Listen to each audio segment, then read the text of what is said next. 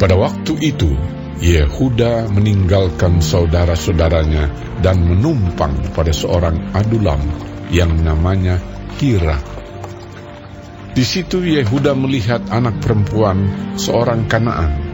Nama orang itu ialah Shua. Lalu Yehuda kawin dengan perempuan itu dan menghampirinya. Perempuan itu mengandung, lalu melahirkan seorang anak laki-laki dan menamai anak itu Er. Sesudah itu perempuan itu mengandung lagi, lalu melahirkan seorang anak laki-laki dan menamai anak itu Onan. Kemudian perempuan itu melahirkan seorang anak laki-laki sekali lagi dan menamai anak itu Shelah. Yehuda sedang berada di Kezib ketika anak itu dilahirkan. Sesudah itu Yehuda mengambil bagi Er, anak sulungnya, seorang istri yang bernama Tamar. Tetapi Er, anak sulung Yehuda itu adalah jahat di mata Tuhan, maka Tuhan membunuh dia. Lalu berkatalah Yehuda kepada Onan, Hampirilah istri kakakmu itu. Kawinlah dengan dia sebagai ganti kakakmu, dan bangkitkanlah keturunan bagi kakakmu. Tetapi Onan tahu bahwa bukan ia yang empunya keturunannya nanti. Sebab itu setiap kali ia menghampiri istri kakaknya itu, ia membiarkan maninya terbuang, supaya ia jangan memberi keturunan kepada kakaknya. Tetapi yang dilakukannya itu adalah jahat di mata Tuhan, maka Tuhan membunuh dia juga. Lalu berkatalah Yehuda kepada Tamar, menantunya itu, tinggallah sebagai janda di rumah ayahmu, sampai anakku Syala itu besar. Sebab pikirnya, jangan-jangan ia mati seperti kedua kakaknya itu. Maka pergilah Tamar dan tinggal di rumah ayahnya. Setelah beberapa lama, matilah anak Shua, istri Yehuda. Habis berkabung, pergilah Yehuda ke Timna kepada orang-orang yang menggunting bulu domba-dombanya bersama dengan Hira, sahabatnya, orang Adulam itu.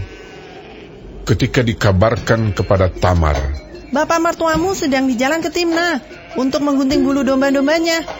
Maka ditanggalkannya lah pakaian kejandaannya, ia bertelekung dan berselubung, lalu pergi duduk di pintu masuk ke Enaim yang di jalan ke Timna. Karena dilihatnya bahwa Shela telah menjadi besar dan dia tidak diberikan juga kepada Shela itu untuk menjadi istrinya. Ketika Yehuda melihat dia, disangkanyalah dia seorang perempuan sundal karena ia menutupi mukanya. Lalu berpalinglah Yehuda mendapatkan perempuan yang di pinggir jalan itu serta berkata, Marilah, aku mau menghampiri engkau. Sebab ia tidak tahu bahwa perempuan itu menantunya. Tanya perempuan itu, Apakah yang akan kau berikan kepadaku jika engkau menghampiri aku? Jawabnya, Aku akan mengirimkan kepadamu seekor anak kambing dari kambing dombaku.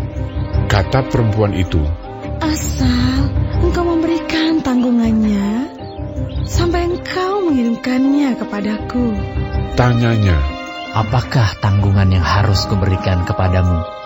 Jawab perempuan itu, cap materaimu, serta kalungmu, dan tongkat yang ada di tanganmu. Lalu diberikannya semuanya itu kepadanya, maka ia menghampirinya perempuan itu mengandung daripadanya. Bangunlah perempuan itu, lalu pergi. Ditanggalkannya telekungnya dan dikenakannya pula pakaian kejandaannya. Adapun Yehuda, ia mengirimkan anak kambing itu dengan perantaraan sahabatnya, orang Adulam itu, untuk mengambil kembali tanggungannya dari tangan perempuan itu tetapi perempuan itu tidak dijumpainya lagi. Ia bertanya-tanya di tempat tinggal perempuan itu. Di manakah perempuan jalan yang duduk tadinya di pinggir jalan di Enaim itu? Jawab mereka, Tidak ada di sini perempuan jalang. Kembalilah ia kepada Yehuda dan berkata, Tidak ada kujumpai dia. Dan juga orang-orang di tempat itu berkata, Tidak ada perempuan jalang di sini. Lalu berkatalah Yehuda, Biarlah barang-barang itu dipegangnya, supaya kita jangan menjadi buah olok-olok orang. Sungguhlah anak kambing itu telah kukirimkan, tetapi engkau tidak menjumpai perempuan itu. Sesudah kira-kira tiga bulan dikabarkanlah kepada Yehuda, Tamar menantumu bersundal, bahkan telah mengandung dari persundalannya itu. Lalu kata Yehuda, Bawalah perempuan itu, supaya dibakar. Waktu dibawa, perempuan itu menyuruh orang kepada mertuanya mengatakan, Dari laki-laki yang mempunyai barang-barang inilah aku mengandung. juga dikatakannya, Periksalah. Siapa yang empunya capat terai serta kalung dan tongkat ini? Yehuda memeriksa barang-barang itu lalu berkata, Bukan aku, tetapi perempuan itulah yang benar. Karena memang aku tidak memberikan dia kepada Shelah, anakku. dan ia tidak bersetubuh lagi dengan perempuan itu. Pada waktu perempuan itu hendak bersalin, nyatalah ada anak kembar dalam kandungannya.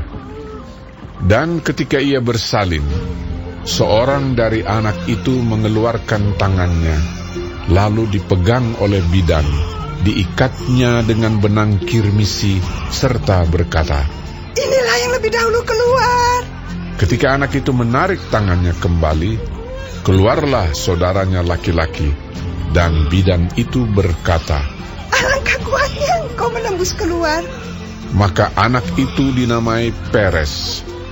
Sesudah itu, keluarlah saudaranya laki-laki yang tangannya telah berikat benang kirmisi itu. Lalu kepadanya diberi nama Zerah.